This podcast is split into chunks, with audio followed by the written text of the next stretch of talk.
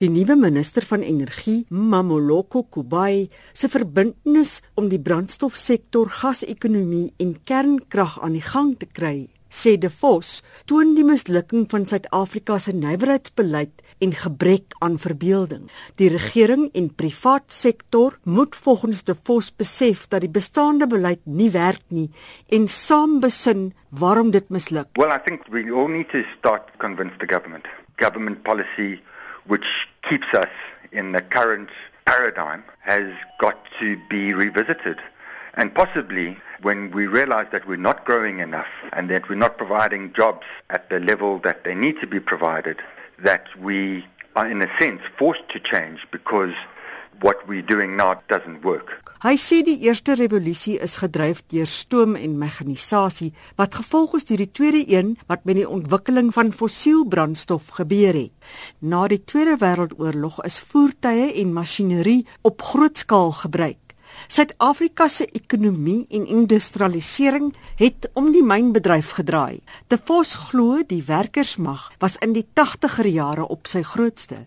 Na 1994 met die demokrasie het die de-industrialisasie van die ekonomie begin. Die afskaling en die belangrikheid van industrie in ons ekonomie. Na 94 was daar 'n proses van 'n opening van ons ekonomie. Mense kon in die buiteland belê en ons industrie in hierdie land kon nie met die buiteland veral die Chinese kompeteer nie. De Vos sê Suid-Afrika vorder nie na die derde nywerheidsrevolusie wat aangespoor word deur rekenaars en die internet nie.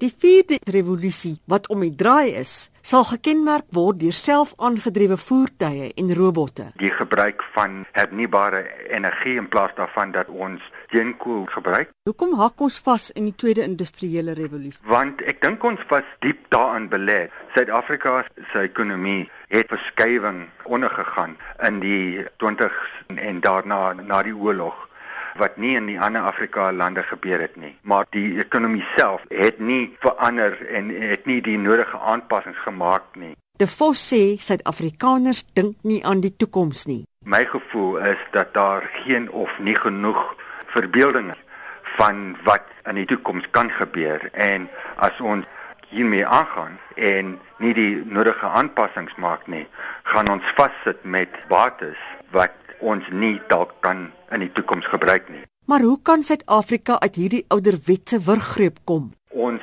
gaan agteruit. Die helfte van die probleem is dat daar geen duidelikheid is nie oor die toekoms nie. Mense het ten minste kennis van wat ons het. As 'n mens nie duidelik is nie oor hoe die toekoms lyk nie, dan word 'n mens so half behoudend en hulle wil nie sien daar's beter opsies en die toekoms blink uit vir ons as ons ons voordele benut. Dirk de Vos, 'n finansiële belegger van QED Solutions Corporate Finances and Advisors, Mitsi van der Merwe, SAK nuus.